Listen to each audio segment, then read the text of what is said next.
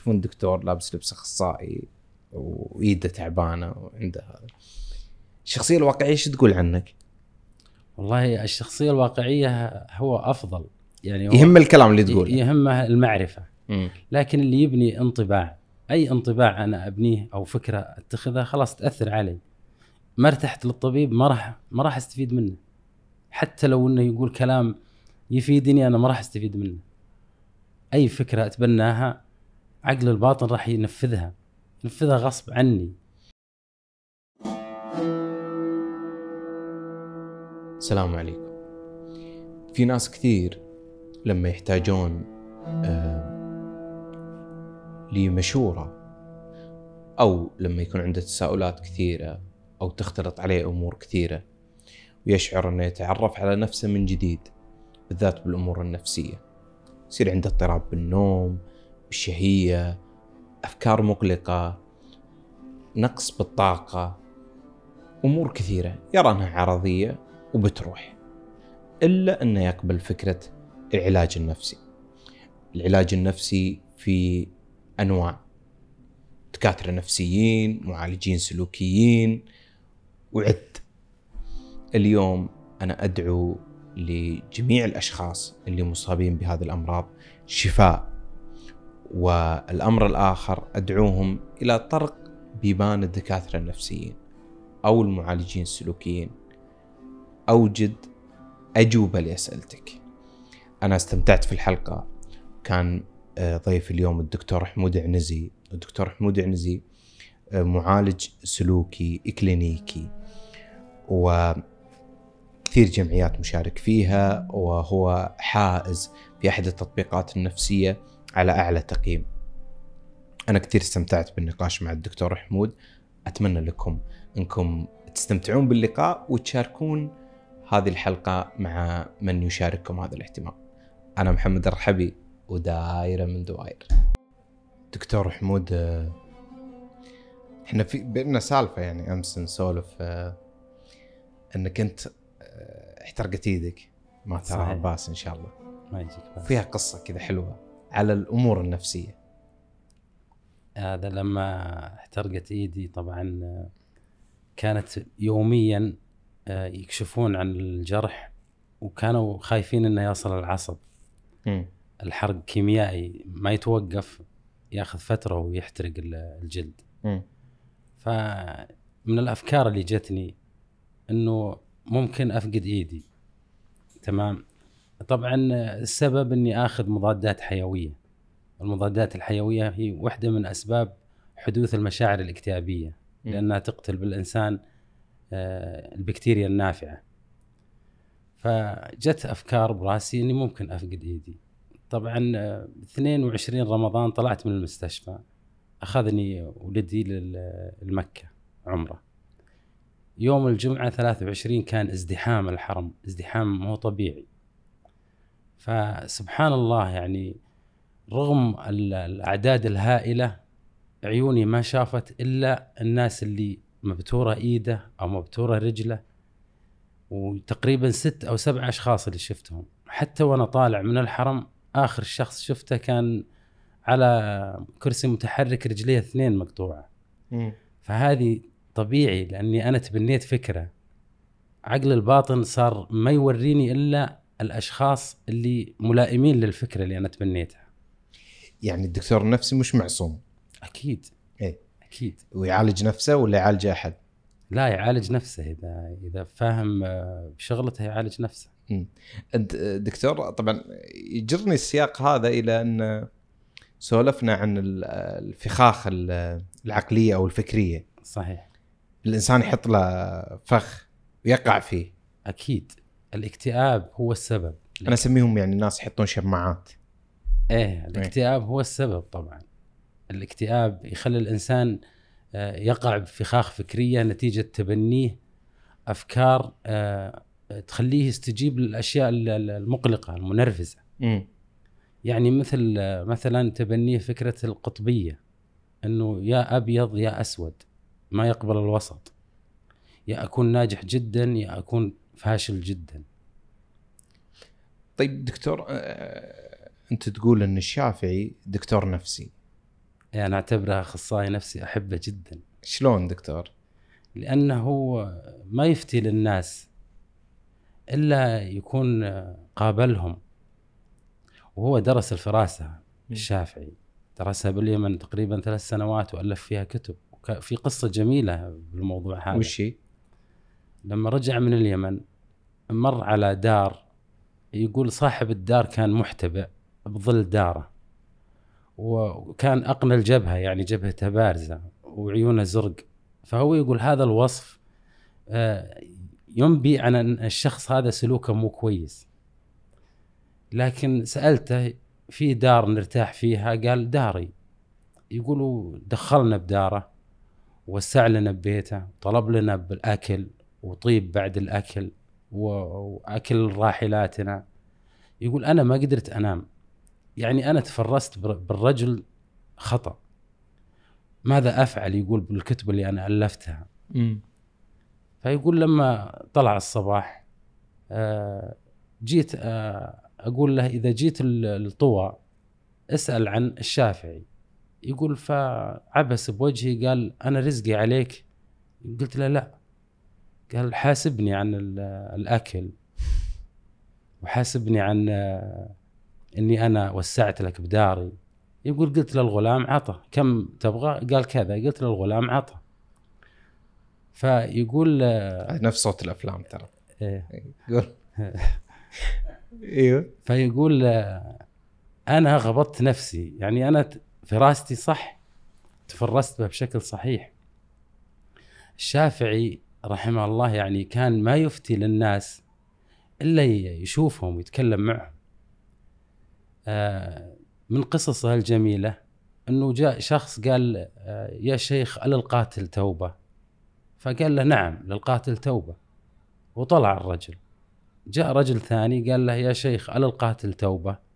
فقال له لا ليس للقاتل توبة.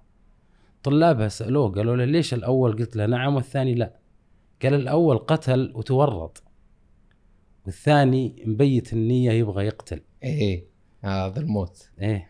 طبعا آه، دكتور أنت ما تعرف إن الركان الحين متأزم من صوت ال- الشرطة الدوريات مع إنه يشوف أفلام واجد وخلفيات ركان يعني أصوات. إحنا على شارع الأمير تركي بشارك هب الله يعطيهم العافية. طيب دكتور أنا بسألك عن هل يعني أشكال الناس تنبي عن سلوكها. يعني اليوم مثلا واحد جبهته كبيرة هذه خلقة. إيه. واحد شكله جميل بس ممكن طباعه مش جميلة. إيه. أكيد هذا طبعا هو التفرس إنك تحكم على الباطن من خلال الظاهر. امم ومو كل شخص يكون قادر على التفرس. يكتسب أو يكتسب من العلم. امم وأيضا له دور الوراثة. جزء بسيط يكون لها دور أكيد. أنا قبل ما أدخل بمواضيع العميقة كذا بحط مانشيتات هذه واحدة منها. أنت قلت إن الأطفال يصابون بالاكتئاب ممكن من ثلاثة شهور. صحيح.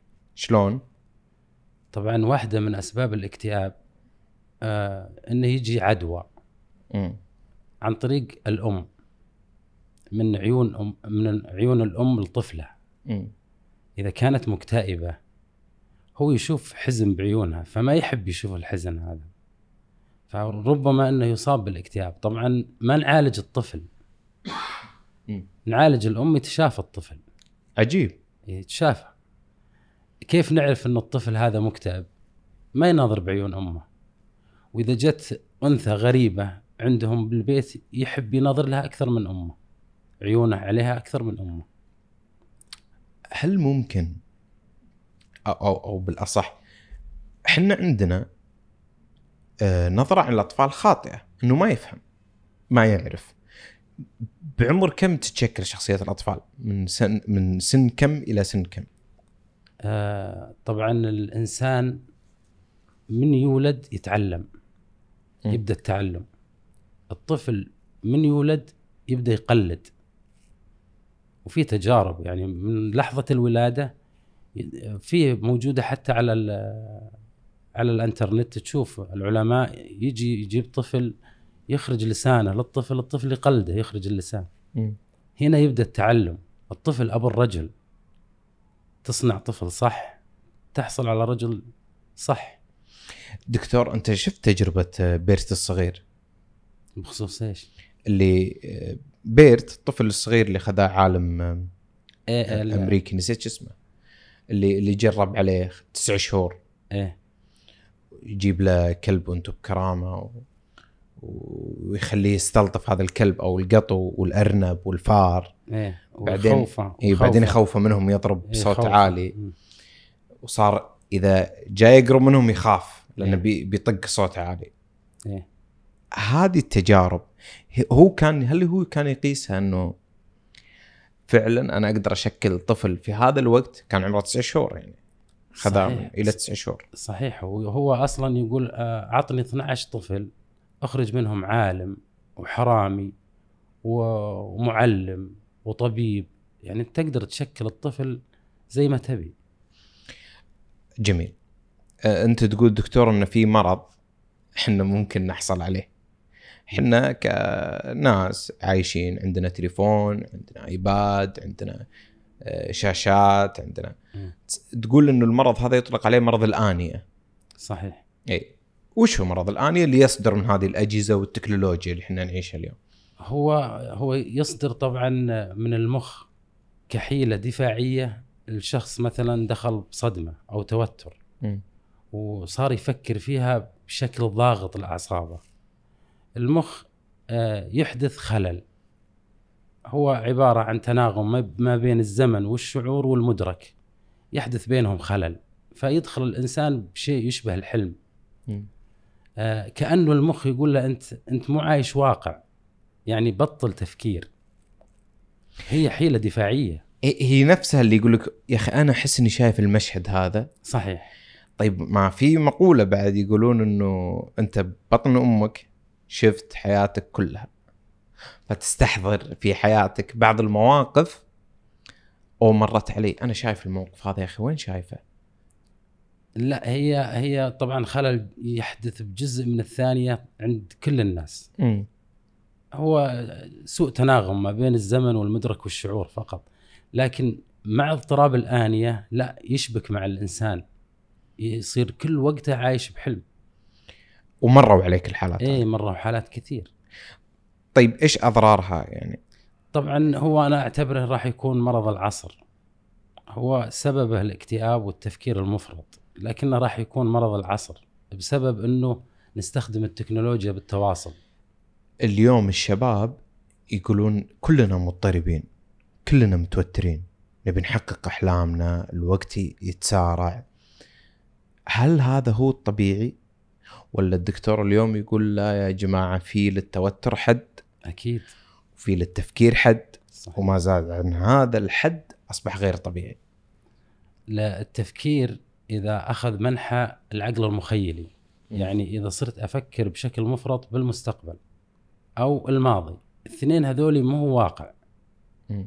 هذه يعني أنا قاعد أركز آه، أضع تركيزي بالعقل المخيلي. مم. فهذا يسبب توتر. أيضا يسبب نسيان يسبب خلل بالذاكرة العاملة اللي تعمل الآن. يعني ما راح أرتب حياتي بالشكل الصحيح لأني لأني تركيزي أخذته من الواقع من العقل المنطقي وضعته بالمخيلي. أفكر بالمستقبل بشكل مفرط. أوكي. طيب معليش دكتور. أنت عضو بالجمعية السعودية للرعايه التلطيفية. خليني على هذا الموضوع. أول شيء بسألك عن الرعايه التلطيفيه إيش تعريفها؟ وبعدين بسألك عن الآنية. عن عن سوري ال- ال- ال- ال- الآنية كيف إنها تخلي الواحد. يشرد ذهنيا ويرجع للواقع. وش الرعاية التلطيفية؟ الرعاية التلطيفية لل- للأشخاص اللي اصيبوا بأمراض ميؤوس منها. آه، يعني من من الأمراض اللي ميؤوس منها مثلا اضطراب آه، التعب المزمن. الإنسان يبدأ يفقد آه، قدرته على الحركة. وتدريجي يعني كأنه موت بطيء. فيجب أنه يتواجد أخصائي يهون عليه. جميل. أنا أبوي الله يرحمه ويغفر له. الله يرحمه. آه، كان بدور لعلاج ال- الأمراض السرطانية. مم. وبعدين قالوا بننقلك للتلطيفي. فسألت واحد من اصدقائي الدكاترة قلت له إيش التلطيفي؟ قال يعني ميت بس ملبسينها فيونكه. فهمتني؟ يهونون عليه اي هل اليوم تقدر تطلع من الواقع تقول له أنت بتموت بس كن سعيد؟ كيف تلطف الموضوع؟ آه، اولا نحاول إن نزيد عنده آه، الدافعية للحياة لأنه ما زال حي يعني هو ما مات علشان ينتهي. فيه فيه أمل. حتى لو كان جزء من المليون في أمل. ممكن يحيا. إذا أعطيناه دافعية يعني ال- ال- العقل العقل إذا أخذ دافعية خلى الجسد يحيا. وفي قصص كثير حدثت. في قصص كثير يعني أنت تؤمن العلاج النفسي ممكن يعالج على العلاج العضوي، ممكن يساعد على العلاج العضوي. أكيد أكيد أكيد وفي حالات كثيرة مرت علينا وشفناها يعني في بشر بس الدافعية خلته يحيا التوتر دكتور يجلب أمراض، أنت تقول إنه التوتر. له علاج مدته شهر، مم. تمارين معينة لفك التوتر. صحيح شلون طريقته؟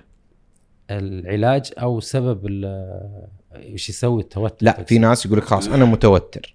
شلون الحين تقول لي أنت كل معاناتي هذه السنوات تخلص بشهر. شوف التوتر هو يجيب الاكتئاب تمام مم. ويجيب غير الاكتئاب اضطرابات ثانية عند بعض الشخصيات عند بعض الناس يسبب أمراض جسدية مم. تمام آه لما الإنسان يدخل بتوتر المدة تزيد عن أسبوعين يتبرمج جهازه العصبي. فيصبح يعني يستجيب للأشياء المقلقة يصاب بالأمراض الجسدية يضطرب عنده العصب الحس حركي. آه لو التزم مثلا بالتمارين اللي تخفض التوتر يرجع الجهاز العصبي كما كان يتخلص من الاكتئاب اللي يقعد يطارده. الاكتئاب ما يتخلص منه الإنسان بسهولة. الإنسان إذا أصيب باكتئاب رئيسي يقعد يطارده. ليش يطارده؟ لأن جهازه العصبي مرتفع انفعاله اعتاد على آه توتر لمدة أسبوعين كأنه تبرمج. فلا بد إنه يفك التوتر. يعني من الأشياء اللي تفك التوتر عندنا التثاؤب. الله وجد فينا عشان يفك التوتر. وأنت تقول التمغط. والتمغط أيضا. مم. آه يعني العلماء من سنة 1929 اشتغلوا على تمرين استوحي من التمغط. إنه يفك التوتر. مم. هو كان 200 تمرين معقد الآن 16 تمرين ويخلصها الإنسان بعشر دقائق لو يلتزم عليه الإنسان لو مدى الحياة هو المستفيد. لكن نتائجه خلال شهر تبين. يصير قادر على التحكم بالأفكار المقلقة آه، الغضب ينخفض ويتحكم فيه المشاعر المؤلمة الثلاث اللي بسبب الاكتئاب تروح اللي هي الحزن السلبية الخوف. دكتور آه، ركان متوتر ولا شلون شايف ركان؟ لا بالعكس هادي ها؟ هادي لا أحسه متوتر أنا يا أخي ما يصير ركان يبي يمشي كل شيء بالعمل 100% إيش تتوقع المشكلة؟ شفت؟ شو المشكلة أتوقع؟ لا هو هذا العمل هذا يبغى ترتيب يبي الكمال؟ إيه ما راح نشتغل دكتور آه، العمل هذا يبغى الكمال طيب دكتور إحنا ت... آه، إحنا الحين تكلمنا بشكل سريع عن كذا عرض. نعم. نبي نتكلم عن متى الإنسان يصاب بالاكتئاب أو وش هو الاكتئاب؟ طبعا الاكتئاب هو اضطراب بالمزاج ويتم تعريفه من الأعراض اللي تص- تصير. آه له أسباب طبعا. مم. من الأسباب إنه يكون وراثي. هذه نسبة قليلة جدا ما تصل إلى واحد بالمية. تمام؟ وفي آه إنه يكون عدوى. من الأم لطفلها. والأب؟ الأب لا له دور بجانب آخر بشخصية الإنسان اللي هو المدى الهستيري. الحين تحرك إن ال- الحريم يقولون أنت قاعد تنصف ال- الرجال. لا في أيضا الأب له دور بالمدى الهستيري وهذا يعتبر اضطراب يلازم ال- الإنسان إلى أن يموت. امم مو ما له علاج؟ مو مثل الاكتئاب إلا له علاج. أوكي. إلا له علاج. أيضا من أسباب ال- الاكتئاب مثلا آه، ال- المضادات الحيوية. آه، اللي يستعمل المضادات الحيوية لفترة تزود عن أسبوعين يصاب بمشاعر اكتئابية هذه من أعراض من أسباب الاكتئاب أيضا ومن أسباب الاكتئاب أيضا مثلا عمليات قص المعدة أو. التكميم شلون؟ لأنها اشتغل بالجهاز اللي ينتج هرمون السيرتونين هرمون الطمأنينة والسعادة والإيجابية. قرب المايك شوي دكتور. أيوه. آه، لانها يكون قص المعدة يأثر على عملية آه، إنتاج السيرتونين اللي تتم بالأمعاء بنسبة 90% والسيرتونين هو هو الناقل العصبي المسؤول عن الطمأنينة والسعادة والإيجابية. تنخفض الطمأنينة يطلع الخوف والسعادة تنخفض يطلع الح- الحزن. طيب و... و... واللي يقصون معده يقدرون يعوضون الشيء هذا؟ هي المشاعر هذه مؤقتة بعد العملية مؤقتة مم. كم مدتها؟ ممكن إلى شهرين إلى ثلاثة ليش أكثر الناس يشوفون اللي يقصون معده تغير شخصياتهم؟ تغير شخصياتهم لأن حدث مشاعر اكتئابية ربما أنها استجاب لها وصارت اكتئاب مم.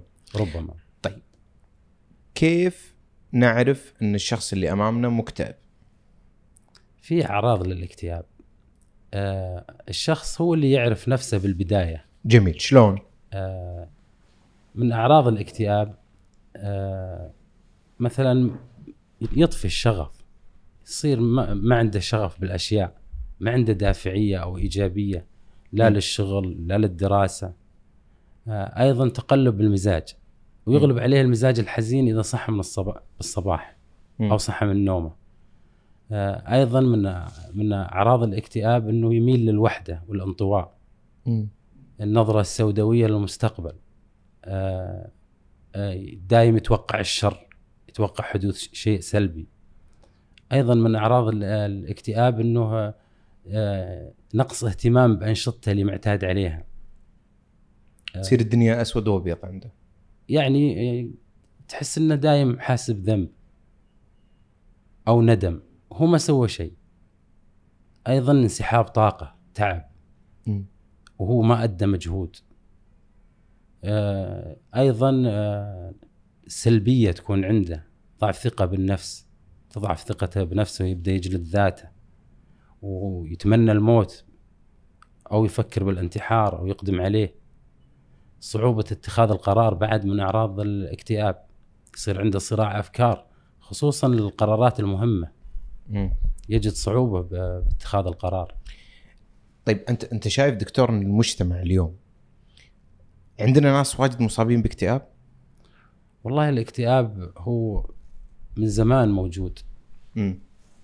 يعني لا، أنت فجر قلت- التاريخ. أنت قلت لي إن بعد كورونا الناس صار عندها زيادة عدد بالاكتئاب كورونا سوت اكتئاب آه، سموه اكتئاب كورونا. و- وانت عندك عيادتين يعني عيادة افتراضية وعيادة واقعية. نعم. اي فأكيد إنك ش... الناس قاعدين يوصلون لك بشكل كبير. يعني ما شاء الله اليوم حجوزات أشوف 300 ال- الانتظار 300 إيه. أي نعم. الاكتئاب هو مرض العصر. و- والآنية جت مع الاكتئاب أيضا. نتيجة الاكتئاب طبعا. الاكتئاب مدمر للشخصية. الاكتئاب إذا أصاب الإنسان ياكل بشخصيته يخليه غير- قادر على التفاعل مع الناس أو أو مع الحياة بشكل عام حتى مع نفسه ما يقدر ما يقدر يفهم نفسه. شلون شايف المجتمع اليوم؟ تشوف إنه عنده كثير مشاكل نفسية قاعد يكابر فيها؟ أكيد. تعقيدات الحياة لها دور. طبعا اللي يكابر آه، إحنا نشوف إنه ال- الرجال هم اللي يكابرون. امم كمعالجين نشوف ان الرجال يكابرون. بدليل إنه إذا جو الرجال يشكون من الاكتئاب نلقى الاكتئاب شديد. امم يعني مو من البدايات لجأ للمعالج النفسي. إي. طيب أنت دكتور مريت في تجربة هي سبب دخولك في آه، إنك اليوم طبيب يعني معالج سلوكي. اللي هي نوبات الهلع صحيح. احكي لي إياها لك المايك. طبعا نوبة الهلع أنا جتني بعمر 12 سنة. مم. هي نتيجة صدمة وفاة الوالد الله يرحمه. فبقت تطاردني نوبة الهلع وما أفهمها يعني أخاف بدون وجود مخيف. فجأة نبضي يتسارع تنفسي يتسارع. وبقت براسي يعني بقيت أ- أبغى أعرفها. مع إني أنا ما أخاف يعني ما في شيء يخوفني. فجأة تجيني أعراض الخوف. لكن لما تخصصت بعلم النفس فهمتها وتعمقت فيها أكثر. ومرت علي حالات كثيرة لدرجة إني يعني سويت دراسة عنها. فوجدت شيء غريب غريب جدا بنوبة الهلع. طبعا هي تعتبر أول عرض من أعراض الاكتئاب. مم. تصيب من تصيب المراهقين. لأنهم يفضلون الأفعال على الأفكار. أوكي. تصيب أيضا الكبار اللي تفكيرهم واقعي عياني. مو أهل التفكير المخيلي. أهل التفكير المخيلي مباشرة تجيهم أعراض الاكتئاب. اللي تفكيره واقعي هذا ما ينتبه لشعور الخوف اللي يسببه نقص السيرتونين مم. لكن جهازها العصبي ينتبه فتجيها أعراض ال- ال- الخوف. أوكي. ولاحظت إنه إنه نوبات الهلع عند الكبار متخصصين بالعلوم التطبيقية والعملي أو المنطق و...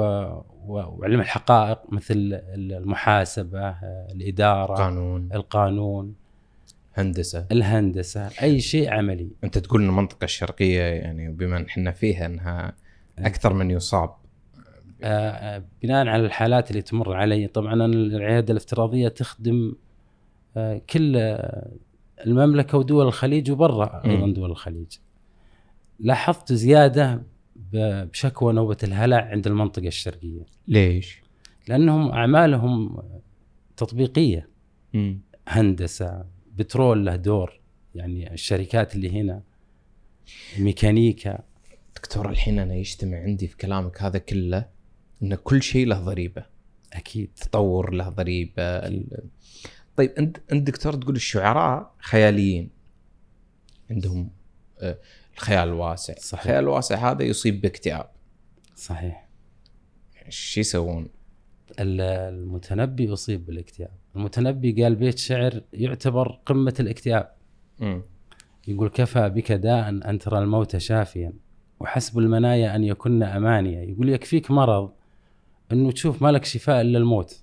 والموت واحد يعني تمني الموت أو التفكير بالانتحار واحد من أعراض الاكتئاب اللي لا محالة راح تجي للإنسان إذا أصيب بالاكتئاب. يعني آه الآن الفكر الإبداعي اللي يتصفون فيه الناس أوه فلان مبدع. شلون مبدع؟ يتخيل. إيه. هذا يصاب باكتئاب؟ هذا مباشرة بدون نوبة هلع. بدون مقدمات. إيه هذا مباشرة. ال- اللي المبدع اللي عنده تفكير إبداعي هذا ي- يتأثر عقله بشعور الخوف فيبدأ يفسر جميع اللي بحياته بناء على شعور الخوف نتيجة الاكتئاب. يعني يتوقع الشر آه، يتردد يصاب بالرهاب الاجتماعي يصاب بالخجل لأن الخوف هو يجر وراه الرهاب الاجتماعي والخجل والتردد. هل المخيلي يصاب بازدواج بالشخصية؟ تلقى عنده مجموعة شخصيات؟ المخيلي آه، كيف الشاعر؟ إيه مثلا. هو الشاعر الوحدة. الشاعر الوحدة يعيش عالم. ومبدع هو. فيعيش عالمه كذا شخصية. مم. يقدر يتعايش بكذا شخصية. طيب دكتور كيف أجت إنك يعني تستحدث طرق جديدة على نوبات الهلع بالعلاج؟ طبعا نوبات الهلع علاجها على شكلين. الأول لحظة حدوث النوبة. مم. كيف يتعامل معها. لازم يوقف التوتر. هي هي تدفق للأدرينالين. لازم يوقف تدفق الأدرينالين. مم. وهذا يتم من خلال تمرين التنفس البطني. يتعلم على التنفس البطني من أسبوع إلى أسبوعين حتى يصبح قادر على التحكم بعضلة البطن. كيف طريقته؟ طبعا آه، هو يحتاج شرح آه، أو تدريب من المعالج السلوكي. أوكي. آه، لحد أسبوع إلى أسبوعين يكون الشخص قادر على أنه يوجه التنفس لعضلة البطن لأن الإنسان لما يتوتر آه، أو يجي يجي خوف أو غضب أو أي نوع من الموتر الأعصاب راح يتدفق الأدرينالين. والأدرينالين ناقل عصبي حيوي مهمته آه، يأثر على ال- الأمعاء والمعدة والعضلات شبه الإرادية والإرادية ويهيئ الجسم لمواجهة خطر خارجي فتشد العضلات. أنت قلت إن في عضلات عميقة إيه. وعضلات خارجية. هذه بعضلات البطن طبعا إيه. عضلات البطن أربعة. الخارجية اثنين هذه إرادية نتحكم بها بالأحوال العادية. امم تمام؟ وتتبع لها العضلات اللا إرادية. بالأحوال العادية نقدر إحنا ننفخ البطن ننزل البطن وعادي اللا إرادية تتبع. لكن لما يحدث الخوف العضلتين الداخلية تصبح هي الأقوى فتطوق الأمعاء والمعدة وتشدها وترفعها باتجاه الحجاب الحاجز. هنا يصير التنفس من الجزء العلوي بالرئتين سريع وعميق. يعني ممكن يعالج الأمراض القولون بالعلاج التوتري لأن أهل القولون يقول لك أشعر أني انكتمت نفس أشعر أن قلبي آه، كذا آه، عندي ألم هنا عندي ألم بالصدر ألم بالرقبة. القولون القولون آه، طبعا هو نتيجة تأثير الأدرينالين. غالبا المصابين بالقولون العصبي عندهم توتر عالي. مم. عندهم توتر عالي. طيب الأدرينالين يأثر على الأمعاء والمعدة. آه، من أعراض أصلا الاكتئاب إنه آه، يكثر عند الشخص الحموضة والحرقان والارتجاع والقيء إيه. والشعور بالغثيان لأن الأدرينالين يأثر على المعدة على فم المعدة. فإذا فك التوتر يتخلص حتى من القولون. إذا فك التوتر اللي موجود بالجهاز العصبي يخف تدفق الأدرينالين. ال- طبعا إحنا بالنسبة لنوبة الهلع كيف اوقفها أو ليش ليش أنا أسوي التنفس البطني؟ لما لما شدت العضلات نتيجة الخوف أو شعور الخوف اللي جاء. صار التنفس من الجزء العلوي بالرئتين سريع وعميق.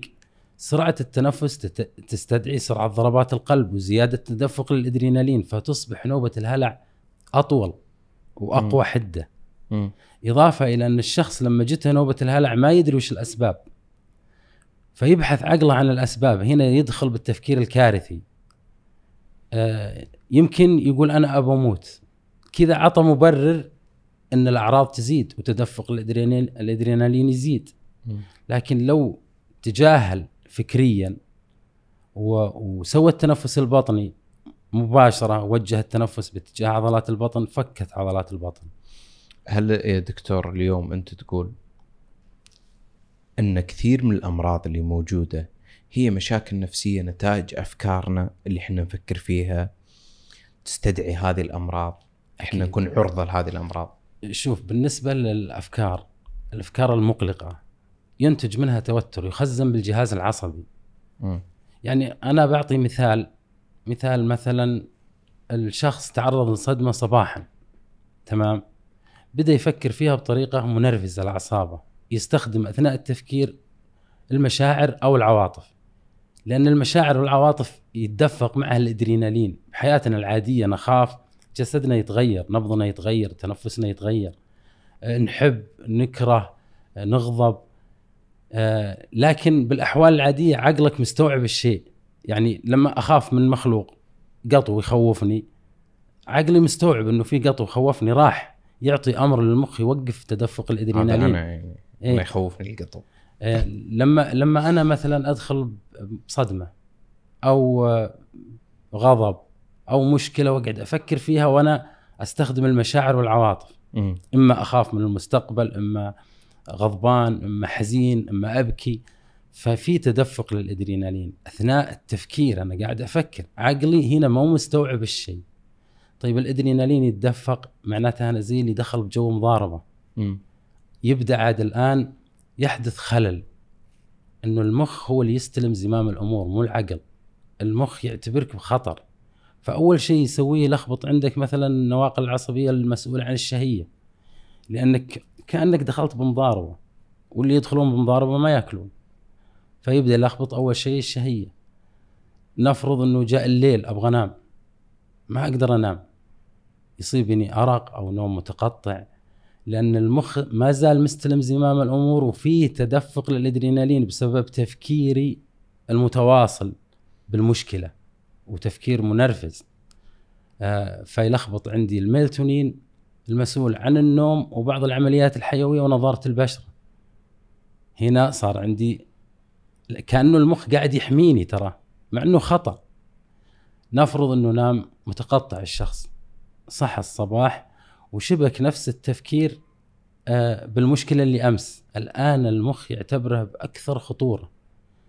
يخفض عنده أهم ناقل عصبي اللي هو مسؤول عن الطمأنينة والسعادة والإيجابية السيرتونين ليش يخفضه؟ يخفض الطمأنينة عشان يرفع عندك الحذر والحرص والانتباه عشان تحافظ على حياتك.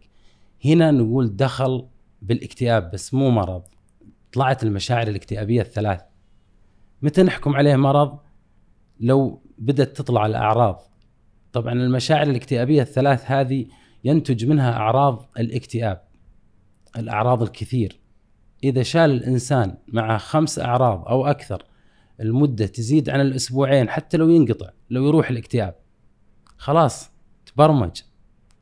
راح يطارده الاكتئاب اللي هي؟ يجي يجيه كل فترة كل ما يدخل باي شيء منرفز كل ما يدخل بأي موضوع موتر تبدأ تطلع عليه أعراض اكتئاب فيجيه اكتئاب إحنا نقول اكتئاب مطارد. يجي من بسيط إلى متوسط وبعدين يختفي. الآن دكتور أنتم أنتم آه، دكاترة الس- السلوكيين والدكاترة النفسيين. بينكم حرب شعواء يعني. أنتم تؤمنون بالسلوك أكثر من الأدوية.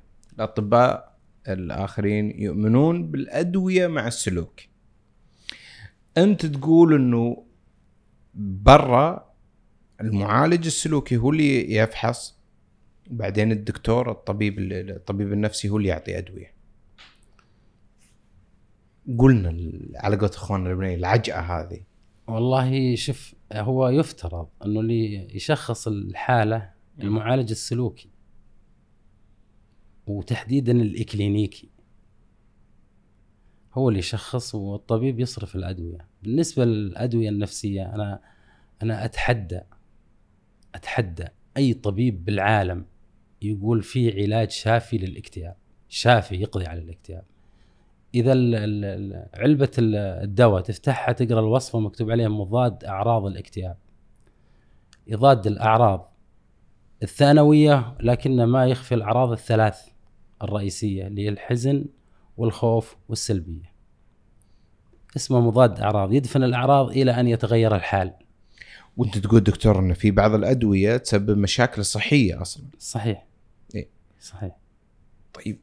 كيف ممكن نوعي الناس؟ اليوم الناس عندها نظرة يقول لك يا أخي رحت طبيب ما استفدت إذا الأطباء بنفسهم يصرفون 28 دواء 29 50 دواء بمقابل يشوف إيش يضبط مع المريض هذا. إيه. الأدوية طبعا لما يصرف الطبيب الدواء لشخص ممكن ما يتلائم معه. ممكن تطلع أعراض جانبية تطلع عنده هو ما تطلع عند الآخرين. مم. فيغير الدواء. يغير الدواء باستمرار إلى أن يجد الدواء المناسب لكن الدواء مو هو علاج هو يهدي يخفي الأعراض لكنه مو علاج شافي. يجب على ال- الإنسان المصاب بالاكتئاب إنه يلتزم مع الدواء علاج سلوكي. لازم يقضي على التوتر اللي بالجهاز العصبي. لابد إن يرجع للجهاز العصبي لوضعه الطبيعي. ولا راح يطارده الاكتئاب. من فترة لفترة يجيه. كل ما دخل بشيء منرفز جاه اكتئاب. في ناس ورد عندنا يعني مجتمعاتنا فلان مزاجي يرون هذا طبيعي. انت تشوف دكتور إن مزاجي مريض ولا هذا شيء طبيعي؟ الاكتئاب تعريفه اضطراب المزاج. اضطراب المزاج يعني إذا ما لك آه، مزاج ثابت هذا يعني إنه اكتئاب. طيب الآن دكتور أنت تقول ان مثلا المعالج السلوكي أو الكلينيكي يقدر الواحد يتخلص من سلوك في غضون كم؟ والله أنا عندي حالات كثير مرت. مم. يعني ويمكن تشوف تعليقاتهم منصة لبيه في ناس تشافت بشهر. في إنسان من جلسة يتشافى. في إنسان من جلستين. في إنسان الاكتئاب متمكن من جميع جوانب شخصيته. هذا يحتاج إلى عشر جلسات. مم. يعني هم يختلفون البشر. طيب آه، انت بوجهة نظرك دكتور الآن هل التطبيقات هذه النفسية اللي موجودة اليوم تكفي عن المواجهة؟ مو بكل ال- الاضطرابات. في اضطرابات يستلزم الحضور يستلزم إنه يكون عند المعالج. حتى يشوف ردود أفعاله يتفاعل معه بشكل مباشر. لكن التطبيقات هذه أدت غرض ونجحت. إلى حد ما نجحت. ترى إنه الصوت ينبئك عن الشخص اللي أمامك ولا الفيديو؟ لأن أنا مثلا ألقى بالتطبيقات في صوت في فيديو في كتابة. إيه. شو ممكن تحل الواحد من كتابة؟ أنا صراحة أتجنب الكتابة. مم. لأن لأنه غير قادر على إنه يوصف حالته خلال الجلسة. فما بالك عاد أنا أتجاوب معه. لكن الفيديو أفضل. مم. الفيديو أفضل. إذا رأيت الشخص أمامك تقدر تحكم عليه. هل حنا دكتور يحتاج لنا توعية نفسية؟ عشان والله يعني يعني ما زال عندنا نظرة اللي يروح للطبيب النفسي عنده وشة بعقله. ممكن يكون أشبه بالمتخلف. نحتاج تثقيف؟ لازم لازم. يعني إحنا من من الأشياء اللي نذكرها دائما إنه النساء أكثر عرضة للإصابة بالإكتئاب أو الإحصاءات سجلت إنه النساء أكثر. لكن بالحقيقة ومن واقع تجربة أتوقع إنه الرجال أكثر. بدليل إن الرجال يعني نسبة فوق ال 90% لما يحجزون عندنا يكون الاكتئاب متمكن من الشخصية تماما لكنهم يكابرون. هم يكابرون. ما ما يلجأ للطبيب أو المعالج النفسي إلا يكون الاكتئاب ضرر جميع جوانب شخصيته. رفع عنده البارانويا رفع عنده مثلا الهوس الخفيف رفع عنده المدى الهستيري حتى الاضطرابات التحويلية يصاب بالأمراض وش الاضطرابات التحويلية؟ الاضطرابات التحويلية هي إنه الإنسان لما يتعرض لضواغط ومشاكل ويعجز عن حلها تحال لا اراديا على الجسد فيصاب بأمراض يعني مثلا صداعات آلام معدة آلام بالعضلات آه، ممكن آه، عقم ممكن آه، تكيسات بالرحم بالنسبة للنساء الربو إكزيميا آه، تساقط شعر تكسر أظافر لأنها تمس جانبين بالشخصية واحد اسمه توهم المرض إحنا علميا نسميه توهم المرض ولكن الإنسان يصاب فعلا بمرض لكن الضاغط هو السبب. والجانب الثاني اللي هو آه، المدى الهستيري يصيب العصب الحس حركي آه، يعني يصيب مثلا النطق آه، يتوتر الإنسان فيبدأ يتأتئ أو يروح الكلام أو يصير صوته مبحوح. أو مثلا آه، الرؤية يصير فيها مشكلة إما رؤية مزدوجة أو يشوف فلاشات أو حساسية للضوء أو أحيانا السمع يسمع طنين طقطقة داخل طبلة الأذن أو بعض الأصوات تصير مزعجة آه، أو الشم أو الذوق أو اللمس يحدث فيه خلل أو مثلا امتلاء المثانه عزك الله يشعر امتلاء المثانه لكن يروح دورة المياه كمية التبول غير مناسبة للي شعر إما يكون أقل أو أكثر. هذا بحال إنه يصيب مثلا الحسي. أما الحركي أحيانا أطرافه يشعر بتنميل وخز زي الأوبر آلام باليدين بالمفاصل بالرجول بالرقبة بالظهر يكون سببها ضاغط. تمام؟ أحيانا ما يتأثر الجسد لكن يتأثر السلوك. آه، مثلا يميل لإرضاء الناس على حساب نفسه. آه، ينكر وجود مشكلات اللي يشوفه يقول هذا مو عايش مشكلة. ينكت. يحب الكوميديا يحب الأخبار السارة يتجنب الأخبار السيئة والتشاؤم. آه، ما يقدر يضبط انفعالاته ومزاجه. ما يقدر يصبر ناحية اشباع حاجاته ورغباته. وإذا حط شيء براسه ما يتنازل عنه بسهولة. هذا يصيب المدى الهستيري. طبعا هو له أسباب. من, أسبابه مثلا أنه الإنسان هذا ربما مصاب آه، بمرض عصبي مثل الصرع أو صداع النصف المزمن. آه، أو مثلا آه، يكون آه، عنده تشوه آه، عيب خلقي مثلا آه، أو مثلا يكون طفولته مدلل جدا جدا أو تكون طفولته ببيت بارد عاطفيا فيه إهمال أو اعتداء جسدي أو تحرش أو تنمر أو اعتداء جنسي. الإنسان هذا إذا كبر وتعرض للضواغط والمشاكل وعجز عن حلها تحال على العصب الحسي الحركي.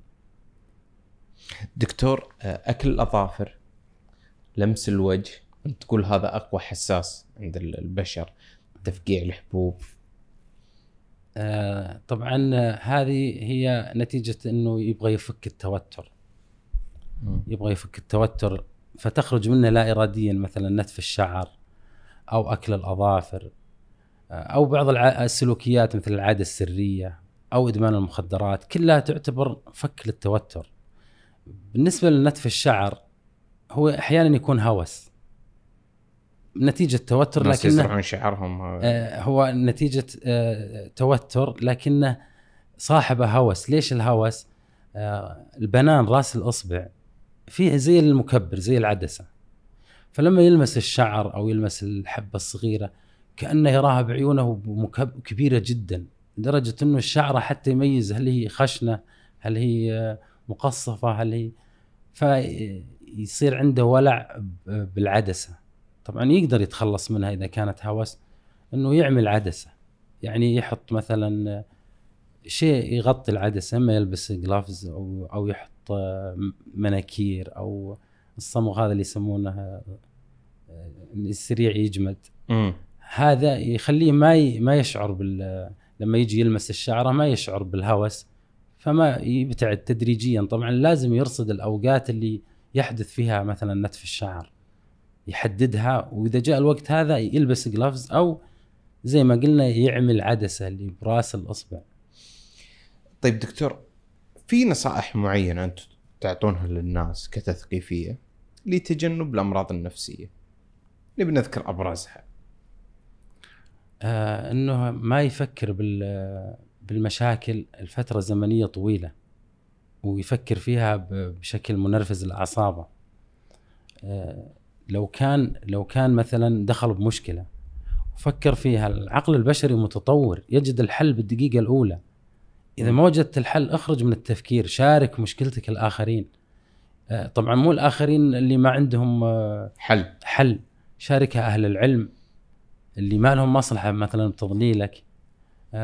أيضا تعلم طرق حل المشكلات. بس ما تدخل بالتفكير وتتعمق فيه لأنك مجرد ما أقعد أفكر أنا جبت التركيز اللي هو عين المنطق عين العقل, المنطقي. دخلته بالع- بالعقل المخيلي وجلست أفكر. بعدين راح أفقد التركيز. يعني لما مثلا أجي ليلة اختبارات وأبغى أذاكر أجد إني مجرد ما ركزت انسرق التركيز. ولو أنتبه وين راح التركيز راح للمشاكل اللي أنا أعتد دائما أنا أفكر فيها. هذه من أهم يعني الأشياء اللي لازم ينتبه لها الإنسان. وهذه لها تدريب معين. أنتم كمعالجين سلوكيين تقدمونه لل- للشخص اللي يعاني من هذا المرض يتخلص منه.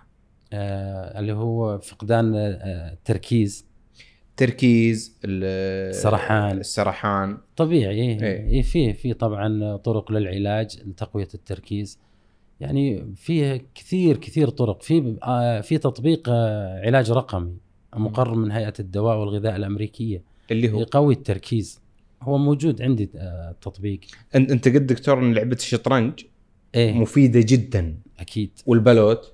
وأيضا البلوت مفيدة لكنها لا تأخذ وقتك. آه. اي لا تأخذ وقتك. ولا هي مثلا الشطرنج آه، تحتاج تركيز وفيها منافس وأيضا واقعية. والله أنا عندي اثنين من الاصدقاء سلطان البدران وسعد الشهراني يلعبون شطرنج إن شاء الله يعلموني إياها. ال- ال- الدكتور أنت تشوف إن حتى الألعاب لها دور يعني مثل بوبجي. آه، البوبجي آه، تقوي الانتباه لكن التركيز لا. يعني لاعبين البوبجي هم أقل عرضة للحوادث لأنه الانتباه عندهم عالي. لكن التركيز هو المهم التركيز الانتباه أقوى من التركيز. في تدريب لتقوية التركيز يعتمد على الانتباه. إنه أنتبه وين راح تركيزي. طبعا أنا هذا يحتاج إنه يكون علاج آه، سلوكي مدته شهر طبعا. ويصير مركز. أكيد أكيد. طيب آه، دكتور أنت الآن الناس مثلا تشوف كلامنا تابع الدكتور. طبعا الدكتور يعني ما شاء الله تبارك الله نشوف تعليقات عليه في احد التطبيقات. تعليقات كبيرة ويثنون عليك. الحمد لله. آه لكن في ناس أنت قلت لي آه، أذكر واحدة من التعليقات إنه ألغت الجلسة بسبب بسبب إن شكلك ما كان مريح. لا ما ألغت الجلسة. هي ها. واصلت معي بالعلاج. لكن كتبت لي بالدردشة أول ما حجزت كتبت لي أنا ما ارتحت لوجه الطبيب. لكن شفت تعليقات الناس وشهاداته وإن شاء الله أجد الحل عنده طيب كيف الحين أنواع الشخصيات؟ أنواع كثيرة. نعم. يشوفون دكتور لابس لبس اخصائي وايده تعبانة وعنده. هذا الشخصية الواقعية إيش تقول عنك؟ والله الشخصية الواقعية هو أفضل. يعني هو يهم الكلام اللي تقوله. يهمه المعرفة. مم. لكن اللي يبني انطباع أي انطباع أنا أبنيه أو فكرة أتخذها خلاص تأثر علي. ما ارتحت للطبيب ما راح ما راح أستفيد منه. حتى لو إنه يقول كلام يفيدني أنا ما راح أستفيد منه. أي فكرة أتبناها عقل الباطن راح ينفذها ينفذها غصب عني. الشخصية الخيالية؟ الشخصية الخيالية كيف؟ اللي عندها مخيلة وسيعة. يعني لما تشوفك كذا تحكم؟ لا أكمل هذا مك- يتوه. ها. هذا يتوه. هو ال- اللي, اللي أسمع كلامه ولا أشوف شكله؟ إيه هو يتوه كذا. يعني ما يعرف آه، أين يقف أو أين يتمركز. مم. لكن الواقعي الواقعي هذا هو اللي ينجي حالة إذا وقع بمشاكل. خلنا نبنيها على الناس. أنا كيف كيف أشوفك؟ أنا كمقدم ولما مثلا التقيت فيك هل الشكل شكل عامل كبير عندي ولا لا؟ لا لأن أنا لقائي معك ما كان آه، فيه الشكل كان آه، الأهم إنه بالتليفون إيه. كان المعرفة أهم إيه كنت إيه. تبحث عن حل بالطريقة اللي أنت رأيتها صحيحة طيب دكتور هل هذا الأمر مهم بالعيادة؟ يعني مريض لما يجي بيقابلك تعلم إنه ممكن يكون في الشكل مهم عند المريض؟ آه، طبعا ي- في ناس عندهم الشكل مهم هو مو مهم لكن هو اعتاد على إنه يحكم على الناس من أشكالهم مثلا الأفلام كثير يطلعون دكتور إنه عنده حاجات مضطربة ذات أفلام مصرية إيه، الطبيب النفسي إيه. المعالج النفسي إيه جابوا لنا سمعة زينة ما شاء اي الله ف... فكيف ك... ك... هل ترى إنه قاعدين تحسونها اليوم بالعيادات؟ لا لا بالعكس ال- الآن ال- اللب الجمعي أو العقل الجمعي عند الناس الجماعي مثقف ومتعلم ويميز ما زال في خجل؟ إيه في خجل. دكتور هل في مشكل علاج لمشكلة النوم؟ ناس كثير تعاني من موضوع النوم. اضطراب النوم؟ اي أسلوب الحياة هو السبب. هو السبب. أيضا التوتر يخلي الإنسان ما ينام. يجد صعوبة بالنوم. آه، يعني كاننا نقول عقدة كل مشاكل الإنسان توتر جهازها العصبي. جميل. اذا دكتور أنت تقول إن العلاج السلوكي أذكر إن الدكتور إبراهيم ال- الخليفي يقول لو عمره 65 سنة لو عالجنا سلوكه أصبح رجل سليم. صحيح. أنت تأيد الكلام. صحيح. أنا شاكر جدا يا دكتور لك وممنون. وإذا عندك شيء تبي تقوله ختامي فأترك لك المايك. الله يطول بعمرك. وأعطيتني الفرصة إني أتكلم وإن شاء الله إني وفقت بإيصال المعلومة للناس من خلال برنامجك الرائع. الله يطول بعمرك. أنا دكتور ممتن لك وشاكر لك جدا. وإن شاء الله إنه يعني لنا لقاءات قادمة بإذن الله نفصل فيها كثير من الكلام اللي تطرقنا له. شكرا جدا. وأنا إن شاء الله أكيد بشوفكم مرة ثانية.